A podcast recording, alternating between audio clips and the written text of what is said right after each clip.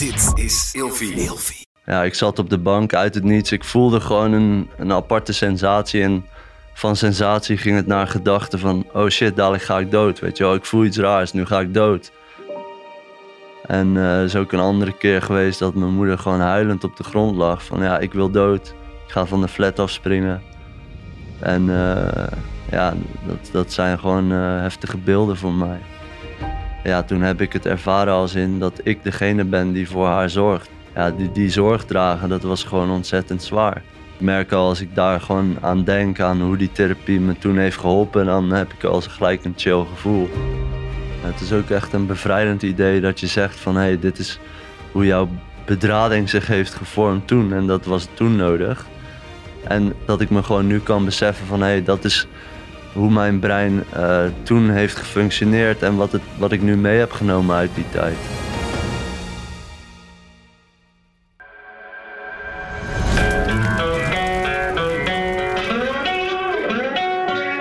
Welkom bij een nieuwe aflevering van Scherpschutters.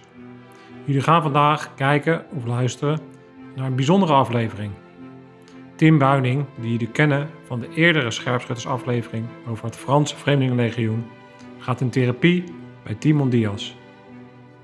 Timon is therapeut, gecrediteerd lid van het Nederlands Instituut van Psychologen. Tim, Hey, goedemiddag. goedemiddag. Ik vind het eh, heel leuk je, je te ontmoeten. We hebben een klein beetje contact gehad online al, eh, voordat we dit zouden gaan doen. Ehm, wat we vandaag gaan doen is een oriëntatiegesprek. Mhm. Dat is iets anders dan een intakegesprek. In een intakegesprek dan gaan we gewoon echt door je geschiedenis heen, vanaf je, je vroege jeugd tot aan nu, zodat ik een zo'n compleet mogelijk beeld van je heb. Een oriëntatiegesprek is iets anders. Daarin gaan we het gewoon vooral even hebben over de, de thema's die, die nu het meest acuut voor je spelen. En dan kunnen we daarna kijken wat we, ja, hoe een, een therapeutisch proces zich voort zou zetten. Dus ik stel nu gewoon een open vraag aan jou. Wat zijn, de, wat zijn thema's die er op dit moment op je drukken? Ehm, ik denk dat wat voor mij eh, op dit moment speelt, is dat ik de afgelopen tijd heb ik heel veel angst ervaren. Hm. Dat ik echt qua gevoel eh, heel erg in die angst zit. En, en dat het me eh, ja, ook vasthoudt. Dat ik, dat ik heel moeilijk los kan komen van die angst. En ook een bepaalde druk vanuit, vanuit het ondernemen eh, innoverend willen zijn en iets op willen zetten. Dus eigenlijk wat, wat voor mij echt twee eh, dingen zijn die ook weer met elkaar verbonden zijn, is toch heel veel druk ervaren en daarmee ook angst. En, en dat is iets wat ik ook ken uit het verleden, maar wat me nu wel een beetje overvalt. Of overvallen heeft eigenlijk. Ja, Hm, Dus je ervaart heel veel angst, heel veel druk. ja. De ja. angst die je ervaart, gaat dat over die ondernemingsdrift, om het zo even te noemen? Of heeft dat een andere thematiek? Ja, gek genoeg niet. Hmm. Maar ehm, ja, misschien kan ik vertellen waar het eigenlijk begon. Graag, ja, zeker. Ehm, nou ja, vanuit vroeger heb ik echt wel... Ik heb sociale angsten gehad. Eh, angst voor de dood, van waar gaan we heen? En, en een, een basisgevoel van angst wat zich weer vastklampte aan een ander onderwerp bijna. Alsof het verschoof. Dan was het ene opgelost en dan ging het weer door naar het andere. En, en dat is iets wat nu is teruggekomen eigenlijk een paar maanden geleden. Ehm, toen had ik eh, een gesprek met Mark op het strand. En ja, daaruit kwam eigenlijk een soort Eureka-moment van... eh, ja, ik raakte geïnspireerd. Hij zei, waarom doe je niet iets met de Hero's Journey? En daar werd ik helemaal blij van. Ik had echt tranen in mijn ogen achteraf. Van, ik dacht, shit, dit, dit, dit is het, weet je wel. Dit is wat ik ga doen met mijn onderneming. Dit is wat ik hoor te doen. En die avond zat ik thuis op de bank. En ik denk dat er toen iets is gebeurd in mij... wat, wat ervoor heeft gezorgd dat het alle, alle stress van de afgelopen jaren gewoon loskwam. Van hey, een, een paard wat heeft gesprint naar de finishlijn en die dood neervalt. En dat er toen eindelijk ruimte voor was. Alles was stabiel in mijn leven, mijn relatie gaat goed en eh, het huis waar ik woon is hartstikke fijn. Maar op dat moment snapte er iets en ja, ik zat op de bank uit het niets. Ik voelde gewoon een, een aparte sensatie en van sensatie ging het naar gedachte van... oh shit, dadelijk ga ik dood, weet je wel. Ik voel iets raars, nu ga ik dood. En die paniek probeerde ik eigenlijk ja, ja, niet te bedwingen, maar mezelf gerust te stellen. En dat lukte niet. Het werd eigenlijk alleen maar erger. Dus op een gegeven moment stond ik op. Ik zei tegen mijn vrienden: Ik moet nu naar buiten. Ik moet, moet even gaan lopen. Ik voel me niet goed. En ik, stond, ik had een hele trillerige stem. Ik stond te trillen op mijn benen. En ja, toen, toen zijn we gaan lopen en toen ging het wel weer. Maar eigenlijk is het vanaf dat moment, wat ongeveer vijf maanden geleden is, heeft er gewoon een constant angstig gevoel in mij gezeten. En ook dat ik me eigenlijk af begon te vragen van ja, wat, wat gebeurt er als we doodgaan? Hmm. Wa- Wat dan, weet je wel? En dat was eigenlijk ja, die, die angstgedachten. Ik kon me nergens meer aan vastklampen van hé, hey, dit ben ik nu of dit is mijn basis. Hmm. En dat heeft zich eigenlijk voortgezet afgelopen maanden. Ja. Dus als ik het goed begrijp, zo'n vijf maanden geleden had je met Mark op het strand, je had een, een Eureka-moment over, Ja, over de Hero's ja. Journey. Ja, En daar voelde je heel veel, heel veel positieve gevoelens bij, van dit ga ik doen. Vervolgens kwam je thuis en toen eigenlijk uit het niet, en het klinkt ook alsof dit je overviel, kreeg je die, hè, die, die freight train, zo'n zo'n vrachttrein ja. van, van angst over je heen. zo voelde het wel, ja. ja Hmm. het, het was iets wat ik wel kende uit het verleden, maar het was zo lang geleden dat ik dat... Ja, ik, had, ik heb nog steeds wel angst ervaren natuurlijk, maar het was allemaal manageable. Ik kon Hmm. het wel aan en dit was echt gewoon eh, een tien, op de schaal van tien, zeg maar. Ja.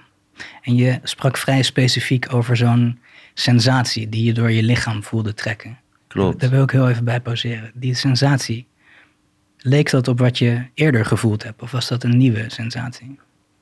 Ja, ik, ik kan me niet heel goed meer herinneren wat ik eerder voelde, maar het was echt een soort eh, adrenaline rush. Het steeg even allemaal naar mijn hoofd en eh, ik zat helemaal vast in die gedachtes.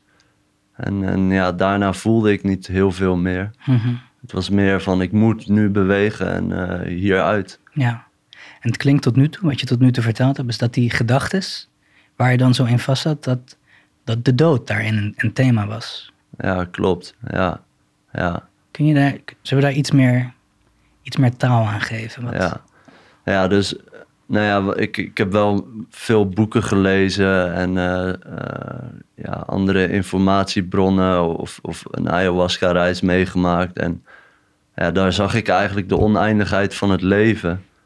En, en ja, ik zie het natuurlijk wel eens op wat op Instagram voorbij komen van... eh, ja, wat, wat is nu de basis van het leven? Oké, tot de bronnen, atomen of Mhm. weet ik het wat. En ja, dan probeer ik voor mezelf daar een houvast aan te nemen van ja, wat, wat is nu het leven? Wie zijn we nu? Wat, wat doen we hier eigenlijk allemaal? Weet je wel, waar zijn we mee bezig? Zijn we gewoon een zak atomen? Zijn we water? Ik, ik wist gewoon niet meer zo goed van ja, wat, wat is dit nu allemaal? En dan las ik bijvoorbeeld ergens dat, dat CIA een, eh, een document had vrijgegeven dat we leven in een hologram. En ja, dat beangstigde me eigenlijk nog meer. En Hm. dat soort dingen, wat ik, ja, ik wist het gewoon even allemaal niet meer tussen die verschillende dingen die worden gezegd. En dan denk ik ook van, oké, als ik nu leef en ik ga dood, wat dan? Mhm. Is het dan alleen maar zwart? Of weet je wel, ik, ik wilde gewoon heel graag weten wat dan. En, maar ik was vooral denk ik op zoek naar een veilig gevoel. En misschien stond de dood, symboliseerde voor mij wel gewoon de staat van zijn waar ik toen in zat. En was ik heel, ja, heel erg op zoek naar, naar, naar liefde, naar, naar veiligheid. Mhm. Ja, dus en wat ik je hoor zeggen is dat je op zo'n moment heel, heel onveilig voelde. Ja, Eh, ja, heel bedreigd voelde. En je was op zoek naar, naar eigenlijk, al is het maar iets, om dat een beetje te, beetje te verzachten. ja, Hm. ja, Dit was nu vijf maanden geleden. Ja, klopt. De vijf maanden daarna, hoe heeft dit, deze angst, en dan vooral wil ik even bij dit thema blijven. Mhm. Hoe heeft jouw angst ehm, en angstige gedachten over de aard van het zijn en, en de dood, hoe heeft dat zich de vijf maanden daarna tot nu ontwikkeld? En dan heb ik het meeste interesse in hoe dat nu, nu hier zitten. Ja, Hoe hoe dat nu- nu is. Nou, Ja. Eigenlijk wat er in de afgelopen vijf maanden is gebeurd, is dat ik.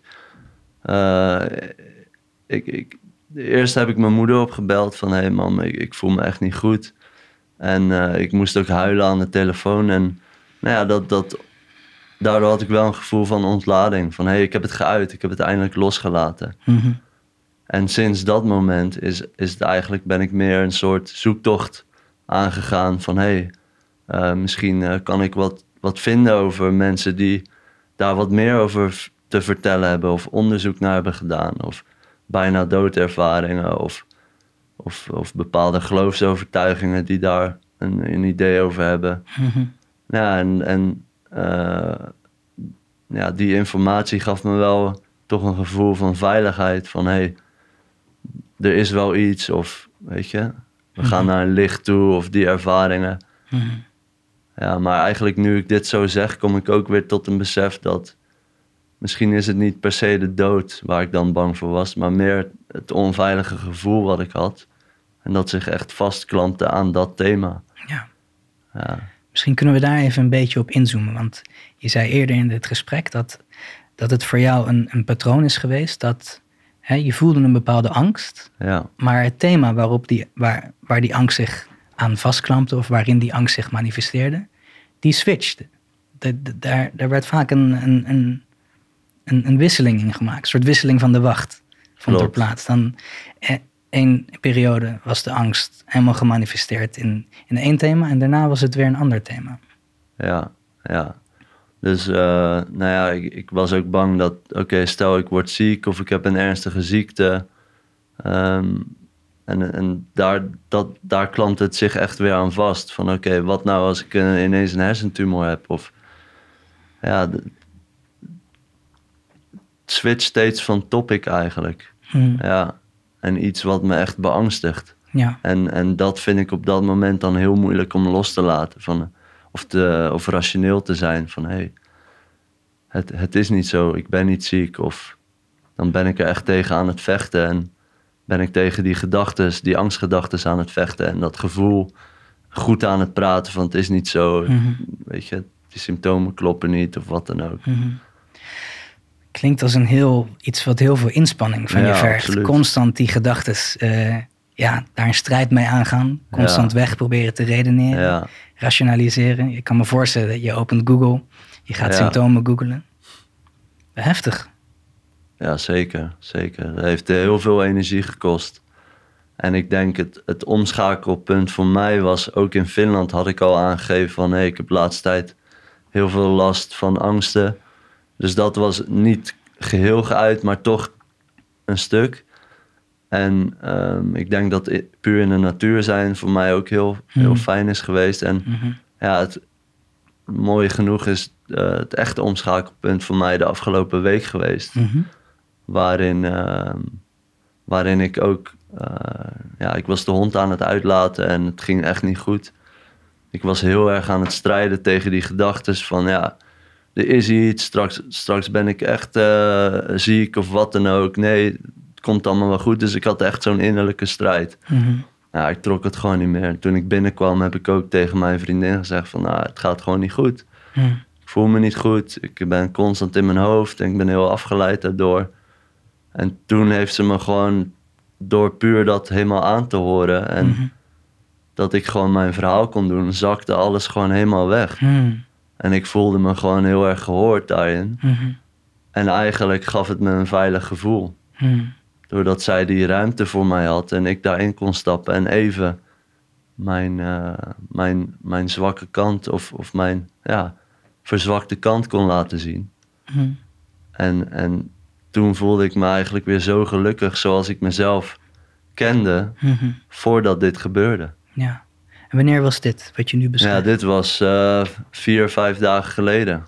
Mhm. Ja, En sinds dit aangename moment, ik ben blij te horen dat, dat je even zo'n moment hebt gehad. En sindsdien, blijft dat dan intact, die rust? Of, of ga je toch weer die, die angsten in? het heeft wel weer een paar keer eh, aan me getrokken, zeg maar. Mhm. En toen heb ik het eigenlijk er kunnen laten zijn. Omdat ik dacht van, hé, hey, ik heb me weer goed gevoeld.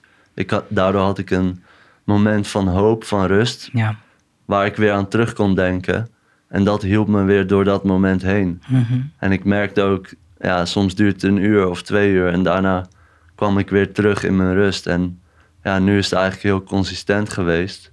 Fijn. En ik denk ook dat ik er echt wel wat van heb geleerd juist die afgelopen tijd. Omdat ik voor mezelf heb ik die vragen beantwoord. Heb ik dat veilige gevoel weer opnieuw gevonden. En ja, nu ik er achteraf naar terugkijk, heeft het me juist iets heel moois geleerd. Mhm. Dat ik zelf, hoe onveilig ik me ook voel of heb gevoeld, dat ik die veiligheid terug kan vinden in mezelf. Ja.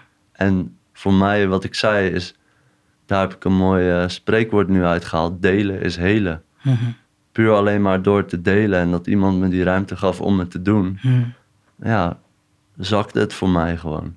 Fijn om te horen dat, er, Ja, hè, dat je ook hoop hebt ervaren. Want hè, angst en sowieso psychologisch leed is één. Maar de wanhoop die daaruit kan ontstaan, omdat je gewoon geen uitweg ziet en denkt: is dit nou de rest van mijn leven? Dat verviervoudigt vaak nog de, de, de pijn. Mhm. ja, het werd echt een soort tunnelvisie voor mij. Van oh, hier zit ik in, Hmm. dit ben ik. En ik kon niet meer daarbuiten denken. Hm, En, en nu voel ik weer opnieuw die vrijheid. En wat ik zei, ik, ik heb gewoon weer gevoeld hoe ik me daarvoor allemaal voelde. En dat Ja. is gewoon zo'n bevrijding voor mij, dat ik daar weer sta. En ja, ook, ook voel ik me daardoor wel aangesterkt. Al Hmm. heeft het wel ja, veel energie gekost. dat geloof ik meteen. Ja. Ja, Ja. Er zijn twee woorden die je vrij regelmatig gebruikt. En ik wil je vragen wat die woorden voor jou betekenen. En die woorden zijn ehm, onveiligheid en veiligheid. ja, als ik denk aan onveiligheid, dan voel ik me al direct angstig. Eh, dan denk ik aan eh, alleen zijn. Dat ik, dat ik alles alleen moet oplossen. Mhm. Dat ik heel erg in een soort tunnelvisie zi- zit. Eh, echt donker. Mhm. En als ik denk aan veiligheid, dan denk ik aan warmte, aan liefde, aan, aan samen zijn. Ja, en, en daar, daar word ik blij van. Mhm. Ja. En is, is onveiligheid iets wat je. Is dat iets waar je, waar je ervaring mee hebt? Heb je je vaak onveilig gevoeld? En dan bedoel ik even niet zozeer de afgelopen vijf maanden, want ik vind dat je dat heel mooi onder woorden hebt gebracht. Ik bedoel meer elke willekeurige periode daarvoor. Zijn Hmm. er. Ik wil een beetje met je verkennen wat, wat onveiligheid voor jou betekent. ja, ik denk, kijk, de eerste herinnering die ik heb aan onveiligheid is toch wel in de gezinssituatie. Hm. dat ik mij nooit eh, volledig veilig heb gevoeld. Dat ik, dat ik echt het idee had van hé, hey, eh, mijn familie heeft mijn rug. Of Hm. eh, wat ik toen als kind heb ervaren. Hm. Veiligheid binnen het gezin, dat, dat was er voor mij niet. En ehm, ja, ik, wat, wat meer onveiligheid betekent, ja, in een hele opgroeifase van kind tot tiener heb ik mij eigenlijk nooit echt veilig gevoeld. Hm. Ja. En ehm, dan is het nu in het dagelijks leven voor mij om die veiligheid bij mezelf te vinden. Mhm. En, en ik denk dat een groot eh, les voor mij daarin is om, om ook anderen daarbij te betre- betrekken. Mhm. Dus dat soort van te delen. Mhm. Ja, dus hè, je zegt tijdens eigenlijk je gehele jeugd, als ik dat zo samen mag Mm. vatten, was onveiligheid binnen het gezin was, was een thema voor je. Ja, ja. Mhm. En niet zozeer dat er gevaarlijke situaties ontstonden, maar meer dat ik, eh, ja, denk, niet gezien voelde. Mhm. Dus ik heb ook een, een, eh, broertje met autisme en ja, hij had gewoon heel veel aandacht nodig. Mhm. En ehm, ja, ik heb zeker vrede mee hoe dat is gelopen, maar daardoor heb ik wel een stuk zorg gemist, liefde, aandacht. En eh, als ik bijvoorbeeld verdrietig was, ja, dan, dan kon ik naar boven lopen en daar een, eh, een half uur huilen. Maar niemand kwam even kijken hoe het met me ging. Mhm. Dus daar voelde ik mij heel alleen in. En, en ik denk dat ik weer terugga naar dat gevoel als kind. Als ik mij onveilig voel. Van hé, hey, ik ben alleen, ik moet het alleen doen. Mhm. En, en dat is voor mij onveiligheid. Ja. En in die onveilige momenten, gewoon nu in het heden of afgelopen vijf maanden, je zegt eigenlijk zelf, dan ga ik een beetje terug naar dat, naar dat kind dat zich onveilig voelt. Is dat ook hoe je je voelt op die momenten als iemand ja, waar eigenlijk even voor gezorgd zou moeten worden, maar waarvoor gewoon geen, geen aandacht of zorg beschikbaar is? Is dat... Ja, ja, dat denk ik wel. Ik, ik, toch ook weer een soort half bewust, half onbewust. Ik heb het niet altijd door als ik daar weer naar terug ga, maar ja, ik heb wel echt sterk de behoefte aan, uh, aan, aan wat zorg, aan wat liefde. Mhm. En dat is daarom waarom het voor mij zo fijn voelde als toen ik me echt gehoord voelde en, en, uh, en ook gewoon een knuffel kreeg en, en liefde. Van je vriendin Ja, deze week, Ja. daar verwijs je nu naar. ja, ja. Ja. Is dat een, was dat een, een nieuwe ervaring voor je? Zo klinkt Ja, het een beetje ja. namelijk. Sorry, Lai. Ze hebben de muziek aangezet. Hou deze, kun je deze vraag even voor jezelf opslaan en Zeker, ja. herhalen? Ja. Worden we ineens uit onze bubbel, ge uit onze bubbel geklooid. Hey, je doet het fantastisch. Ja, dankjewel Ja, man. Mooie vraag ook. Ja. Ja. Ja, het is gewoon fijn om eh, zo te kunnen delen. Ja. Wat was mijn vraag nou? Fuck. Oh, hij is net op tijd. Ja, hij zegt net op tijd. Nee, het ging over, eh, was dit een eh, eerste keer voor je? Ja, ja. Ja, dat, dat ik me zo voelde. Oké, dankjewel. Daar ben ik heel erg mee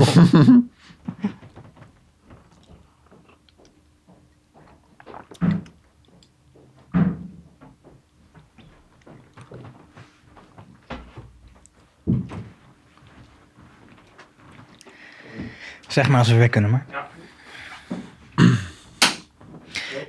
Je zei dat je je zo, zo geborgen en zo veilig en, en gezien voelde toen jouw vriendin jou die, die ruimte gaf. Om gewoon even te delen wat er, wat er in je omging.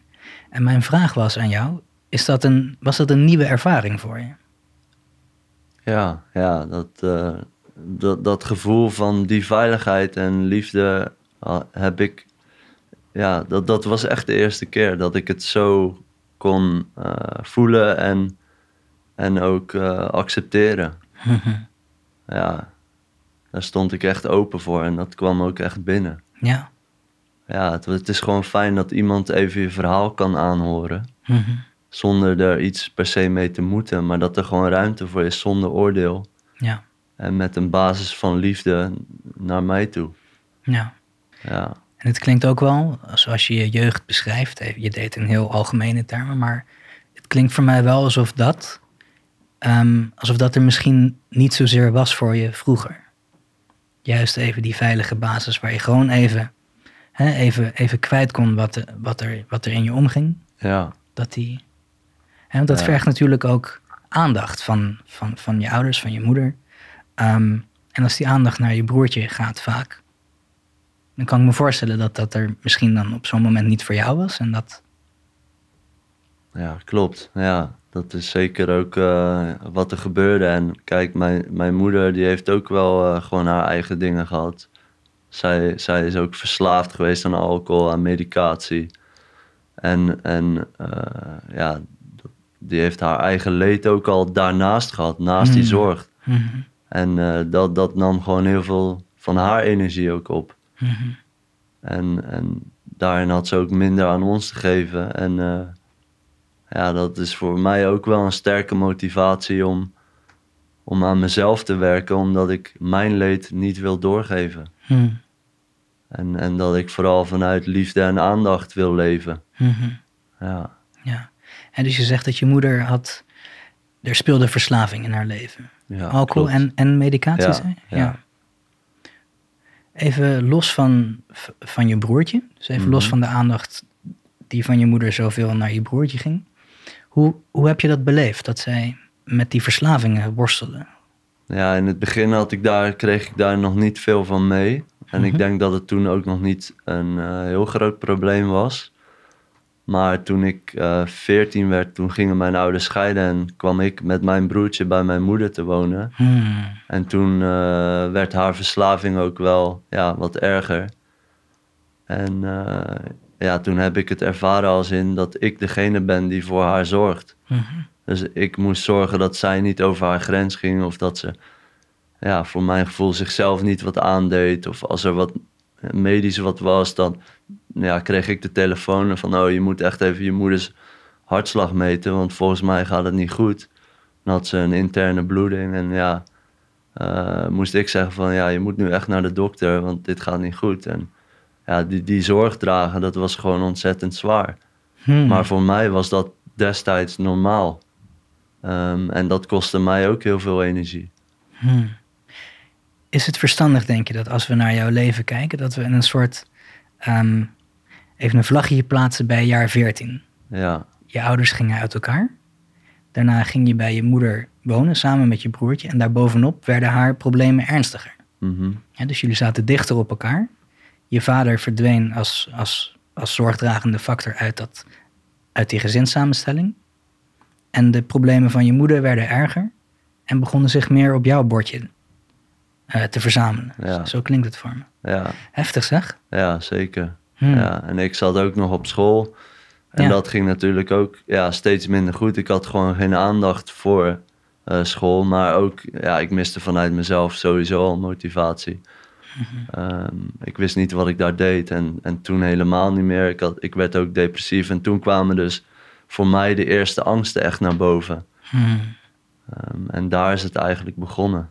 Hmm. Ja, Ik wil heel even inzoomen met je op iets wat je zei. Je zei, en dan citeer ik jou, dat er sommige momenten waren dat je moeder zichzelf iets aan ja, wilde doen of dreigde te doen. Kun je, kun je daar iets meer over vertellen? Want ik kan me voorstellen Ja. dat dat zeer belastend is voor je als, als Ja. 14-jarige zoon. Ja. ja, de eerste herinnering die ik daaraan heb was eigenlijk toen ik met mijn moeder in de auto zat en ik wilde een ander liedje op de radio. Toen eh, ja, werd ze heel emotioneel en toen heeft ze ook gezegd van joh, moet ik nu even deze auto tegen de boom aanrijden? En ze was aan het huilen en ja, eh, dat, dat was heel heftig. Toen was, was ik weet ook, ik was ook direct stil. Ik wist gewoon niet wat ik ermee moest. Nee. En eh is ook een andere keer geweest dat mijn moeder gewoon huilend op de grond lag. Van ja, ik wil dood. Ik ga van de flat afspringen. En eh, ja, dat, dat zijn gewoon heftige beelden voor mij. Om, om dat toen als kind te zien. En ja, niemand wist wat hij ermee aan moest. Ze, ze daar ook maar gewoon. Hmm. En ja, dat is ook wel, vind ik ook heel zielig voor haar. En ook voor onszelf. Ja, Ja, hoeft elkaar niet uit te sluiten. hè? Het is, Nee, het is nee, heel ja. vervelend voor Ja. haar en, en even goed ja, heel pijnlijk en moeilijk voor jullie. Hoe lang hebben jullie, hebben jullie, ik zeg nu jullie, je woonde samen met je broertje, moeder en jijzelf. ja. Hoe lang hebben jullie onder één dak gewoond? Eh, drie jaar, want toen ik 17 werd, toen eh, eh, zou ik, oh, ik zat in therapie Mhm. voor de angsten, voor depressie. En ehm, toen zei mijn psycholoog destijds van, hé, hey, ja, je thuissituatie is gewoon een donkere wolk, daar moet je weg. Hmm. En toen ze, heeft ze mij ingeschreven om kamertraining te krijgen of begeleid wonen Mhm. omdat ik nog minderjarig was. En toen heb ik zelf gezegd van, ja, ik ga hier weg. En toen ben ik eh, ehm, op internet gaan zoeken naar, naar werk in de Ardennen, want ik had net een schoolkamp gehad. En ja, ik, ik voelde me supergoed. Ik was in de natuur, Mhm. kon lekker doorzetten, mountainbiken. En eh, ik voelde me eigenlijk helemaal mezelf toen ik sportte. Mhm. En daar, daar wilde ik meer van, niet meer naar huis. En toen ging ik dat opzoeken en vijf dagen later eh, zat ik in Schotland in een klein vissersdorpje. En ja, daar is eigenlijk mijn eh, helingsproces begonnen. Ja, Toen heb ik mezelf eigenlijk uit de situatie gehaald. ja. Dus het klinkt alsof die laatste drie jaar in jouw gezinssituatie waren, waren dat de moeilijkste? Ja, absoluut. Ja. Ja. Ja. Ik wil even bij je peilen hoe dit is om, hoe is het voor je om hierover te vertellen? Ehm, ja, ik, ik merk dat ik eh, verdriet voel, eh, pijn, maar ook eh, opluchting. En ik ben ook blij dat ik niet meer eh, de, de woede eigenlijk voel, Mhm. die ik voorheen wel voelde als ik hierover vertelde. Eh, woede naar mijn moeder toe, naar de situatie. Maar eigenlijk achteraf ben ik ook, net als met die angst, heel blij dat het is gebeurd. Want ik heb er wel lessen uitgehaald. Mhm. En, en ik ben ook blij dat ik daar de moeite voor heb gedaan om over na te denken, hulp voor te zoeken. Mhm. En eh, daardoor het echt een plekje heb kunnen geven. Mhm. En ik heb mijn moeder ook vergeven. Hmm. Ja, Kun je daar iets over vertellen? Want ik zie ook je ogen oplichten Ja. terwijl je dat zegt. Dus dat wekt mijn ja, ja. grote interesse. Ja, wat ik zei, ik was eerst heel boos. En eh, op een gegeven moment, een paar jaar geleden, had ik ruzie met haar. En toen heb ik ook gewoon gezegd, ik ben voor mezelf opgekomen en heb gezegd, ja, voor mijn gevoel hebben jullie mij gewoon emotioneel verwaarloosd. En eh, ik hoefde alleen maar dat te zeggen. En toen merkte ik al dat het voor mij gewoon wegzakte. Die woede. Gewoon puur, ik had het gezegd en dan was het klaar. En, eh, en later heb ik ook tegen haar gezegd van... Mam, eh, ik wil dat je het weet, maar ik heb je vergeven. Ja, het is voor mij goed zo. En, en ook dat was gewoon eh, ja, een gevoel van vrijheid voor mij. En daarom kan ik er nu ook beter over vertellen. Ja. Groots, dat is het woord dat, eh, dat bij me opkomt. Wanneer was dit dat je die, die vergeving uitsprak? Ehm, ja, ik denk ongeveer drie jaar geleden. Hmm, Ja, hmm, ja. hmm. Je zei dat je vanaf je veertiende tot je zeventiende, dat was echt de zwaarste periode voor je. Toen ging je ook voor het eerst in therapie voor, in jouw woorden, angsten en, en depressies. Mhm. Is dat ook waar hè, dat fenomeen begon van angsten, waarvan het thema steeds wisselt? Ja, klopt. Ja, ja. Ehm, want toen ook had ik angst voor de dood. Van ja, wat is er nu? Wa- waar gaan we heen? Straks ga ik slapen en word ik niet meer wakker. En dan? Eh, maar ook eh, sociale angsten. Dus ik, ik werkte ook als schoonmaker toen. En eh, ik durfde iemand niet eens te vragen om even zijn stoel weg te schuiven, zodat ik kon stofzuigen. Hmm, Ik was bang dat mijn handen gingen trillen als ik een kopje pakte of dat ik zou blozen. Dus ik merkte gewoon dat, dat die twee dingen heel erg angst opriepen eigenlijk. Of Hmm. dat daar de angst zich aan vastklampte. Dus de dood als thema Ja, en, en, en- en sociale. Ja, ja, Hmm. En nu was vrij recent, was de dood opnieuw een, een, thema voor je in de afgelopen vijf maanden. Eigenlijk tot afgelopen week. ja. En die, die sociale angsten, hoe, hoe- waar zit dat nu? Ja, dat is voor mij echt compleet weg. Ik heb Hmm. toen ook therapie gehad waar ik eh, cognitieve gedragstherapie kreeg. En wat voor mij heel sterk was, was om mijn gedachten te analyseren of terug te zien op het bord. Zij schreef ze dan op. Mhm. En toen dacht ik, huh, denk ik dit? Weet je wel? Hmm. En ja, dat, dat ontkrachtte eigenlijk die gedachten. Hmm. Ja, En dit was een therapie eh, rond je zestiende of was het later? Ja, rond mijn zestiende. Ja. Oké, en die sociale angsten zijn niet meer echt een thema nee, geweest. Nee, nee. Hmm. Wil ik toch nog even met je, wil ik even op doorvragen. Dus de dood lijkt nog steeds een thema te zijn dat om de zoveel tijd hè, zichzelf kenbaar maakt. Ehm, zijn er nog andere thema's waar die angst zich... Ja, zeker. manifesteert. Ja, eigenlijk eh, waarvoor ik laatst dus in therapie heb gezeten, was ongeveer zes maanden geleden.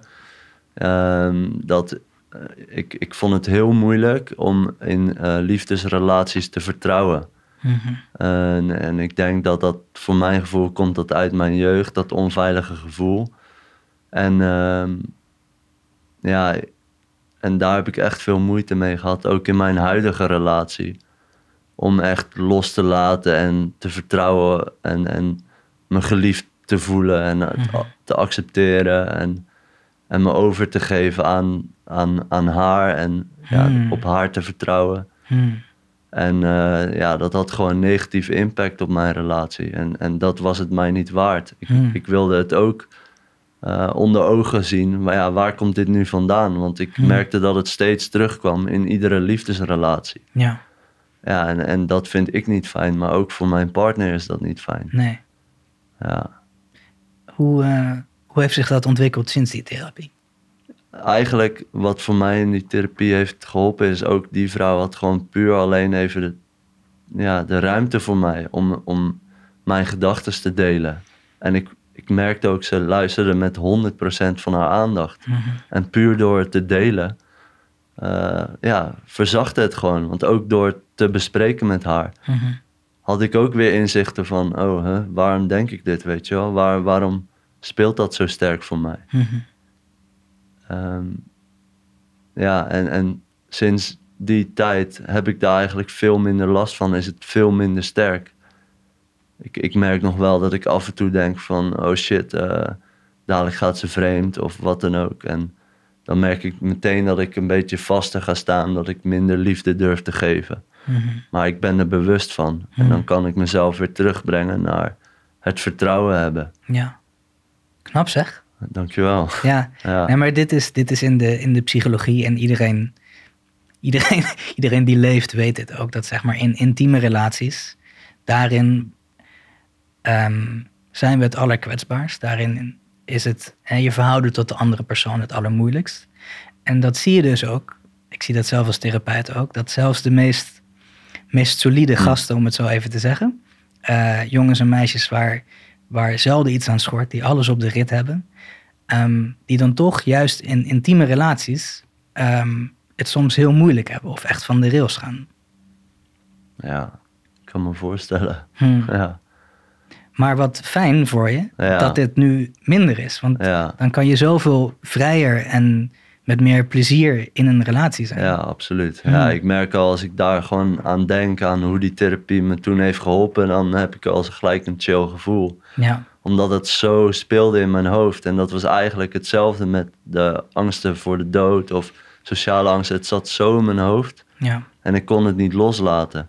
Nee. En ook eh, met meditatie, dat, dat ik wel eens denk van hé, hey, de gedachten mogen er zijn. Ja. Maar het is zo intensief dat het gewoon constant op de achtergrond speelt. Mhm. En dus was het gewoon echt een bevrijding om het ook gewoon te bespreken en zoiets van hé, hey, het is oké. Mhm. En dat alleen al was genoeg. Ja. En dat het echt zo oploste eigenlijk gewoon. Wonderlijk hoe dat, Ja, ja, hoe dat echt, gebeurt soms. Maar ik hield het echt vast en ik durfde het niet te delen. Want ik dacht ook, ja, dit is gek, dit is raar. Ja, Mhm. Waarom denk ik dit? Mhm. En, en dat maakt het eigenlijk alleen maar erger. Maar ja, in die stand zat ik dat ik alles alleen moet doen. Ja. En dat ik het zelf maar moest oplossen. Maar met dezelfde denkwijze als het gecreëerd is, kan ik het ook weer niet oplossen. Mhm. Ja, ja.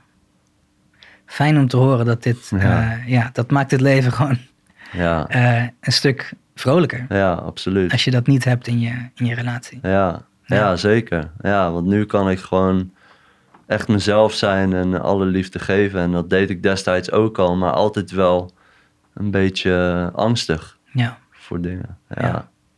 Hè, dus de dood was een thema. ja, Ehm, intieme relaties waren een thema. Dan Mhm. vooral een soort, zou ik het verlatingsangst kunnen noemen? Of is ja, dat een verkeerde? Ja, Ja. dat is een goeie. Dus de dood, een, een verlatingsangst.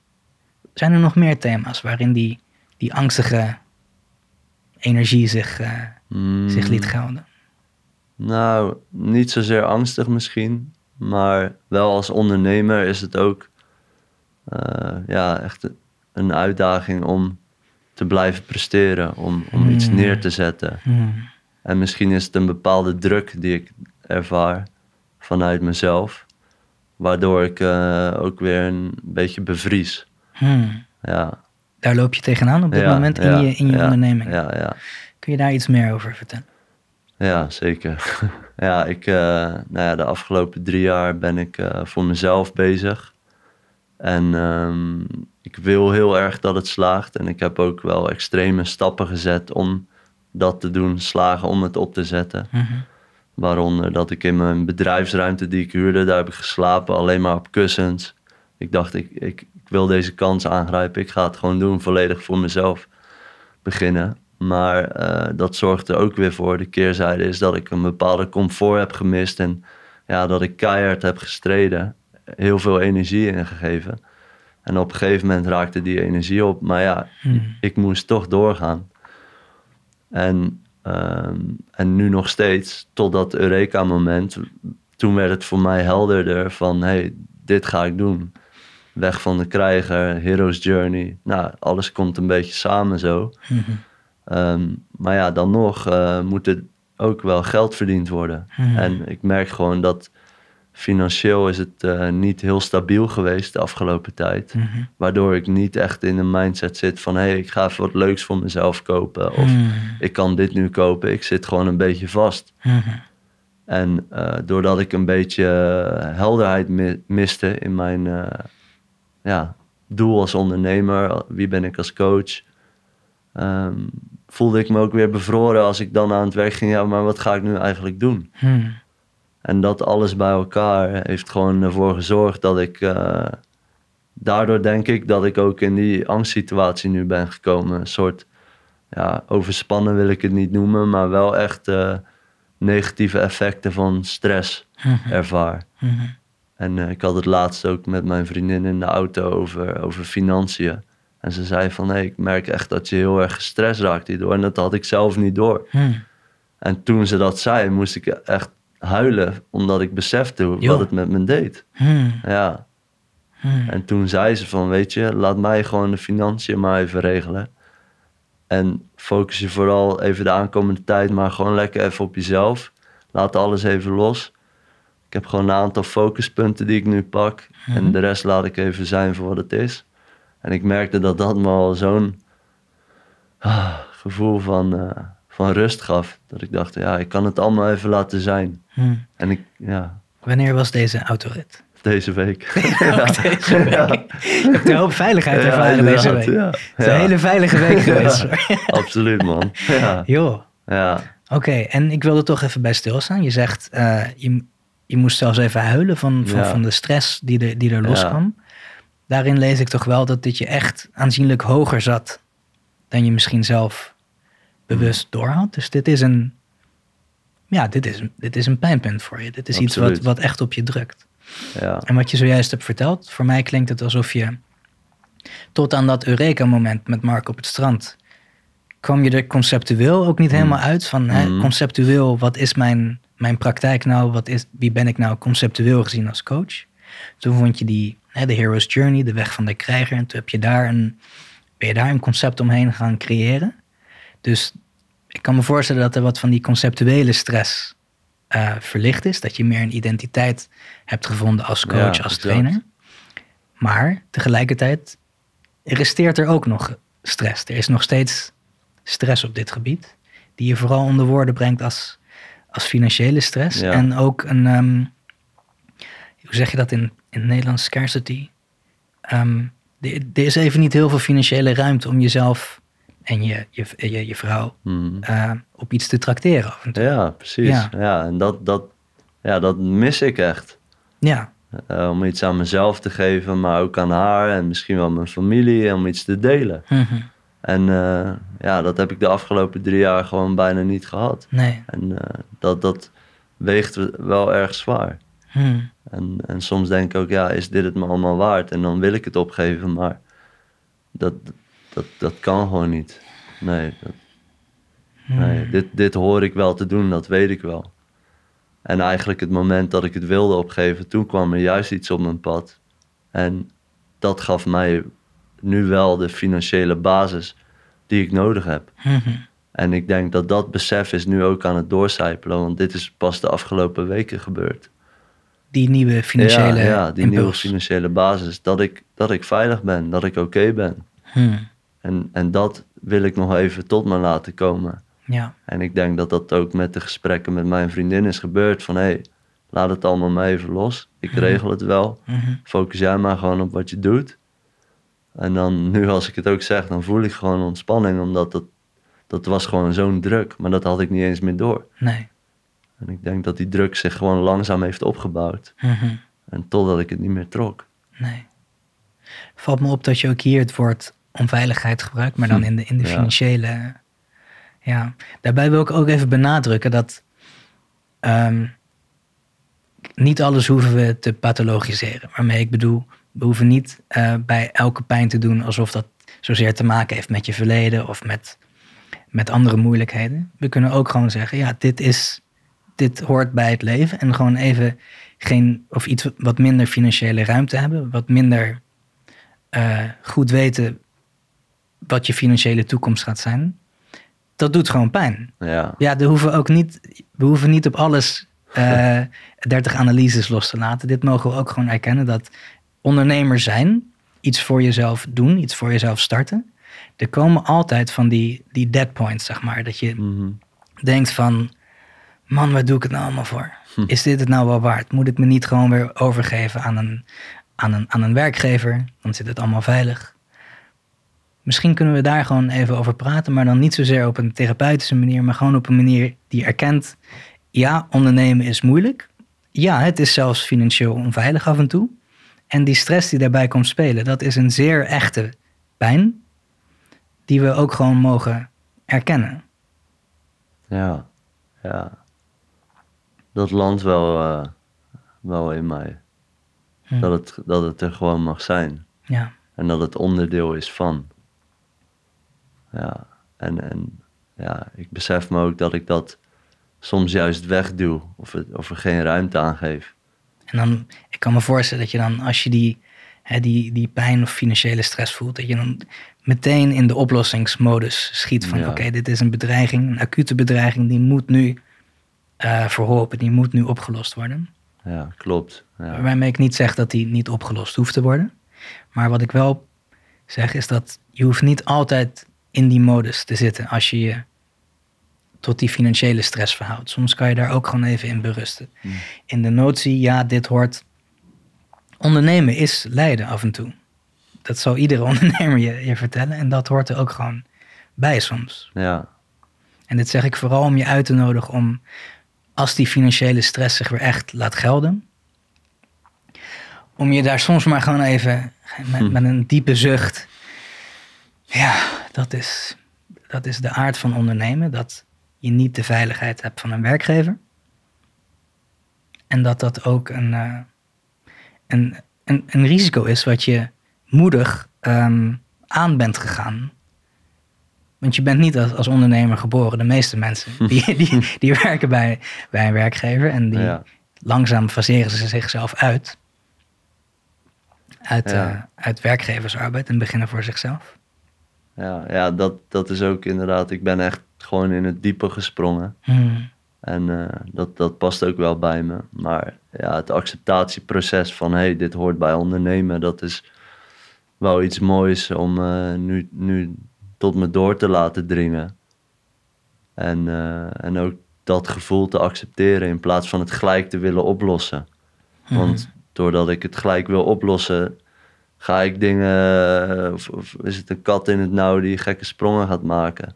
En doe ik dingen die misschien niet helemaal bij mij passen. En waardoor ik ook minder authentiek kan zijn als ondernemer, als, als in mijn eigen stijl. Mhm. Dus ik denk dat dat wel een, eh, ja, een, een mooi besef is en een wat eh, zachtere attitude kan hebben richting eh, ja, financiële suffering als ondernemer. Ja. ja, en wat het ook vooral is, is als je vanuit die onveiligheid handelt, dan, heb, dan hebben je handelingen, eh, daar ontkom je bijna niet aan, die hebben dan een bepaalde verkrampte kwaliteit. En je noemt dat zelf, dan ben je minder authentiek. Mm, Nee, dus er zit een bepaalde verkramping in de handelingen die je dan doet om maar uit die eh, financiële stress te komen. Nogmaals, ik zeg niet dat je helemaal erin moet berusten, maar ja, er zijn fijnere, meer ruimtelijke plekken eh, van waaruit je dat kan benaderen. Maar dat vergt gewoon wat ontspanning. ja, ja, zeker. En ik, ik denk ook dat ik nu dichter op dat punt kom, omdat ik een, ik heb een klus als ZZP'er en Mhm. dat geeft me gewoon een basis. En alsnog genoeg vrije tijd om aan mijn eigen dingen te blijven werken. Kijk, En, en dan heb ik gewoon ruimte om creatief te zijn, Ja. authentiek, zonder de financiële stress. ja. Is dat die, die financiële basis waar je het over had? Ja, die zich ja. deze week Ja, of ja eh, de afgelopen, weken, Ja, heeft ja, aangediend? Inderdaad, Mhm. ja. Alleen wat ik zei van, hey, nu neem ik de aankomende tijd gewoon even eh, de tijd om, om te landen in deze veilige situatie. Even Mhm. te marineren. Ja, En dan eh, ja, kom ik uit een soort winterslaap straks en... Mhm. ja, veroveren de wereld wil ik niet zeggen, maar dan kan ik weer met nieuwe energie aan de slag. zeker. En je hoeft dan niet meer vanuit die onveiligheid te handelen. Dus ja, ja, Ik, ik weet vrij zeker dat als je even berust in de notie dat er een financiële basis nu onder je voeten ligt, dat wat je gaat creëren als ondernemer, als coach hierna, komt dus niet uit die verkrampte plek, maar uit een meer veilige, meer Ja. ontspannen. ja, Ja. ja, Ik voel ook in mezelf een bepaald enthousiasme namens jou. Als in, ik ben benieuwd wat dat wordt. ja. Ik denk dat dat iets heel, iets heel gaafs gaat worden. Ja, ja dat, dat, dat weet ik wel zeker, man. Het Hmm. gaan echt hele mooie dingen zijn. Hm, Ja. ja. Hey, ik heb even een vraag. Mhm. Je hebt een, eh, ja, als ik dat zo mag zeggen, een zware vijf maanden achter de rug. Klopt. Eh, afgelopen week heb je een hele fijne autorit met je vriendin gehad. en een hele, heel goed gesprek op de bank thuis met je vriendin. Ja. Die heel veel voor je hebben betekend. En mijn vraag is even aan jou. Kun je Kun je een eerlijke, nou, je bent sowieso eerlijk, maar kun je een prognose geven over of je denkt dat zeg maar, de klachten waar je mee hebt geworsteld afgelopen maanden, of die opnieuw eh, zich gaan laten gelden, denk je? Heb je een gevoel? Ja, dat denk ik wel. Hmm. Ja, ik, Mhm. ik denk dat dit eh, iets is wat naar boven komt als ik, eh, als ik heel veel stress ervaar. Mhm. En ik denk niet dat ik de signalen altijd eh, lees die hiervoor, voor dit stadium zijn, zeg maar. Hmm. En dat dit wel een beetje de eindfase is wellicht van... hé, hey, ja, nu kan ik niet anders dan er iets mee te doen. Dan, dan moet er gewoon iets veranderen in mijn situatie, want ja, hier Ja. kan ik niet mee door. Ja, dus even, even samenvattend. Je hebt een zware vijf maanden achter de rug. Voor het eerst in die lange tijd heb je een relatief stabiele week... waarin je twee fijne ervaringen hebt gehad... en er kwam een financiële basis Ja, in de vorm van een ZZP-klus onder je te liggen. Maar tegelijkertijd ben je ook bang dat hè, deze week, om het zo even te Mhm. noemen... misschien nog geen garantie is dat het de komende, laten we het even het komende jaar noemen... ja, 'goed blijft gaan. ja. Is, is dat een eerlijke samenvatting? Eh, ja, alleen ja, nu voel ik de angst nog niet echt dat dit echt terug gaat komen. Omdat Mhm. ik, ja, na dit gesprek heb ik extra be- ja, ben ik me extra bewust van, hé, hey, eh, thuis, ik heb een huis, die basis klopt. Mhm. Relatie is super fijn, die basis klopt. Ik heb nu financieel, Mhm. eh, ben ik die basis aan het opbouwen. Ehm, en dan voel ik me ook sterker. Dan denk ik, Mhm. oké, ja, dit is toch wel heel fijn. Ehm, maar er is inderdaad ook wel toch een stuk in mij dat toch wel bang is eigenlijk van ja, eh, dadelijk eh, gebeurt er iets en eh, ben ik weer terug bij af. Hmm. Ja. En, en ik weet ook niet of dat helemaal op te lossen is. Hmm. Maar ik denk dat ik wel zal ankeren in, in het moment van veiligheid. Mhm. Wat ik ook wel weer ervaren heb. En dat ik daar aan terug kan denken Ja. op die momenten. Ja, dus het klinkt vooral voor me alsof je bang bent dat je die, die paar signaaltjes die voorafgaan aan zo'n zo'n Ja. angstepisode, dat je die niet herkent. En dat Ja. het je misschien toch weer een beetje overvalt. Ja, ja, precies. Ja. Maar ik denk ook nu dat ik vanuit meer rust kan handelen Mhm. en minder vanuit noodzaak. Dat ik misschien helemaal niet zo diep hoef te gaan. Zoals ik in de afgelopen jaren heb gedaan met ondernemen en trainen en Mhm. weet ik het wat allemaal. En ja, dat ik nu eh, hopelijk niet tot dat punt kom. Ja, Dat hoop ik ook voor je. Tegelijkertijd vermoed ik ook, vermoed ik ook dat je er eerder bij gaat zijn. ja, Dit, maar als ik je zo hoor. ja.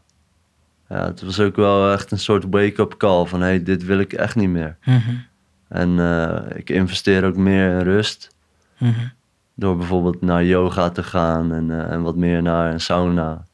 En even echt heel bewust stilstaan van hé, hey, eh, dit kan ik nu financieel. Dit, dit geef ik aan mezelf of mijn vriendin geeft het aan mij. En het echt te omarmen als een cadeau. En echt een moment van ja, ik, ik ben hier nu. We zijn hier nu om te ontspannen. Ja, En daar even bewust bij stil te staan.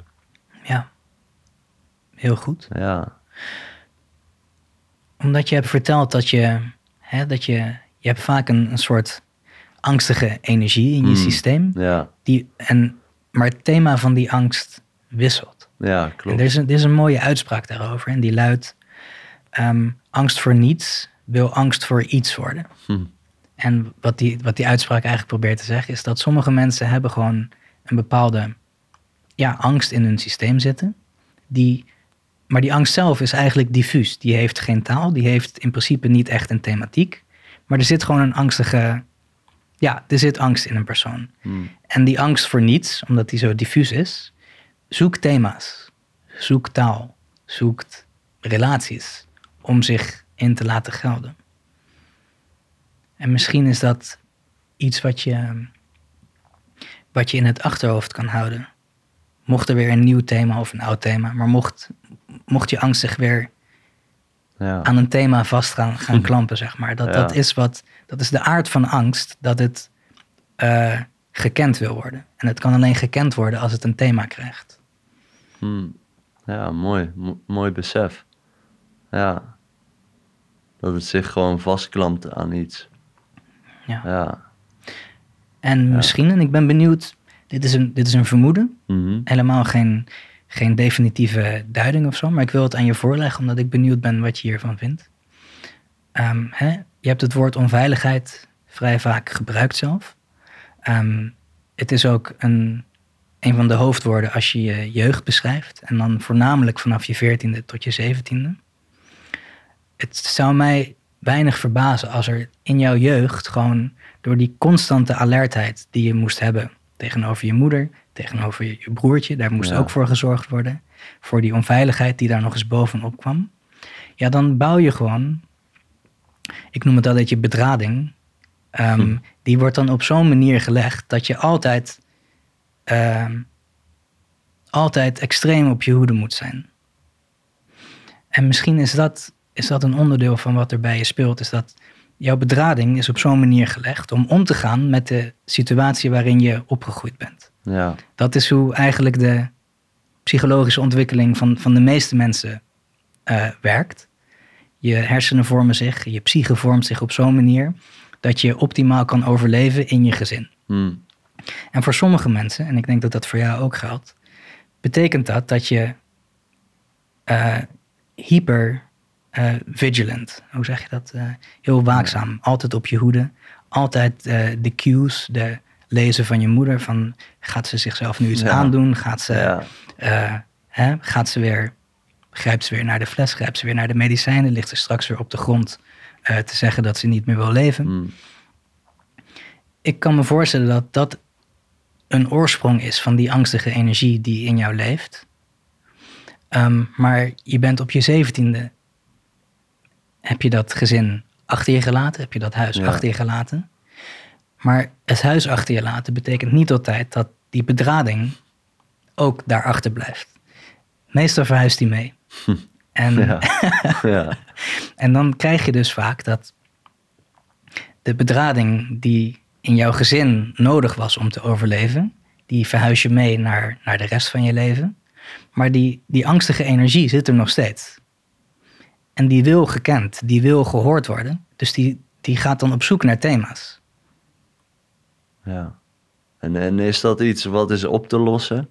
Of is dat gewoon hoe de bedrading is en daar vooral bewust van te zijn en eh, ja, een soort hulpplan voor jezelf hebben, denk ik.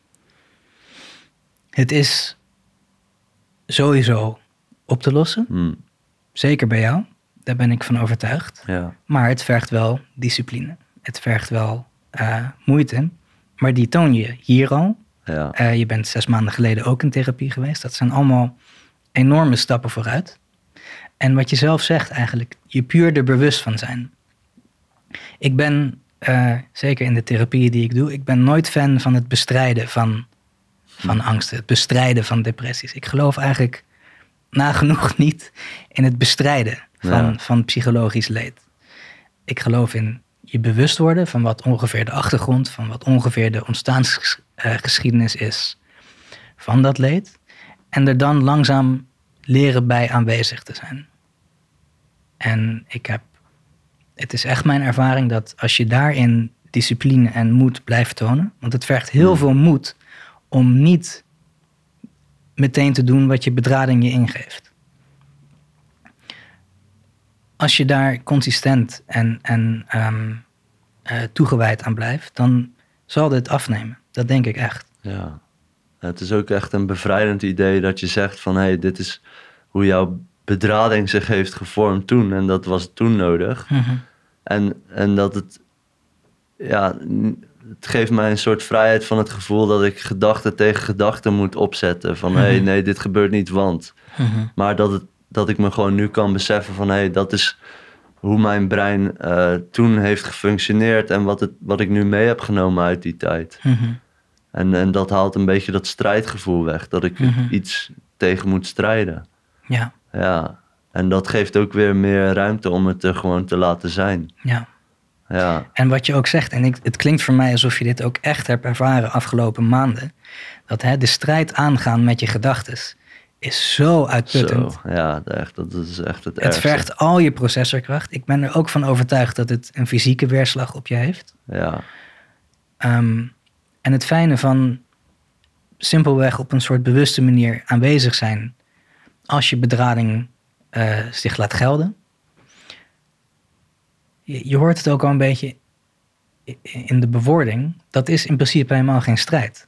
Hm. Er wordt helemaal niet zozeer een strijd geleverd dan. Ja, als je gewoon bewust bent. Ja, ja, ja. En misschien is het ook. Er zijn ook eh, heel genadige en mooie manieren om naar zo'n bedrading te kijken.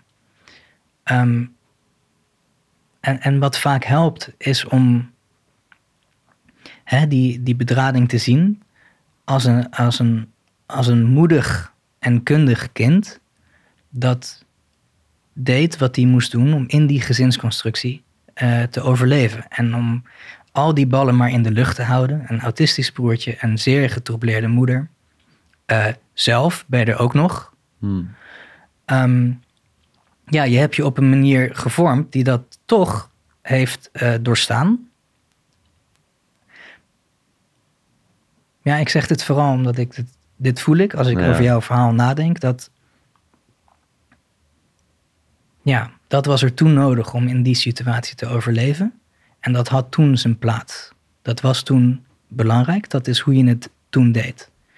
Maar je leeft niet langer in die situatie. Maar de bedrading ligt er nog steeds en die zal zich om de zoveel tijd laten gelden. Dat is Ja. nu eenmaal zo. ja, Maar als dat zo is, kan je er ook naar kijken. In plaats van alsof je een monster ziet dat je het veld af moet trappen. Dat je gewoon de psychologie ziet van een kind dat moest overleven. Ja. En bovendien overleefd heeft. Hm. Ja.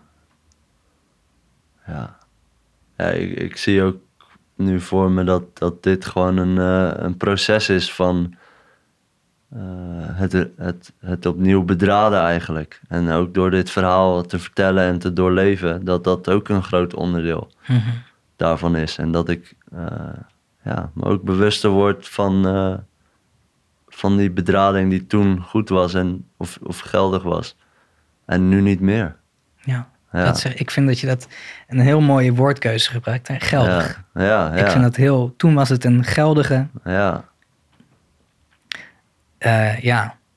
Toen was het een, een geldige psychologie, om het zo even te zeggen, die, die nodig was.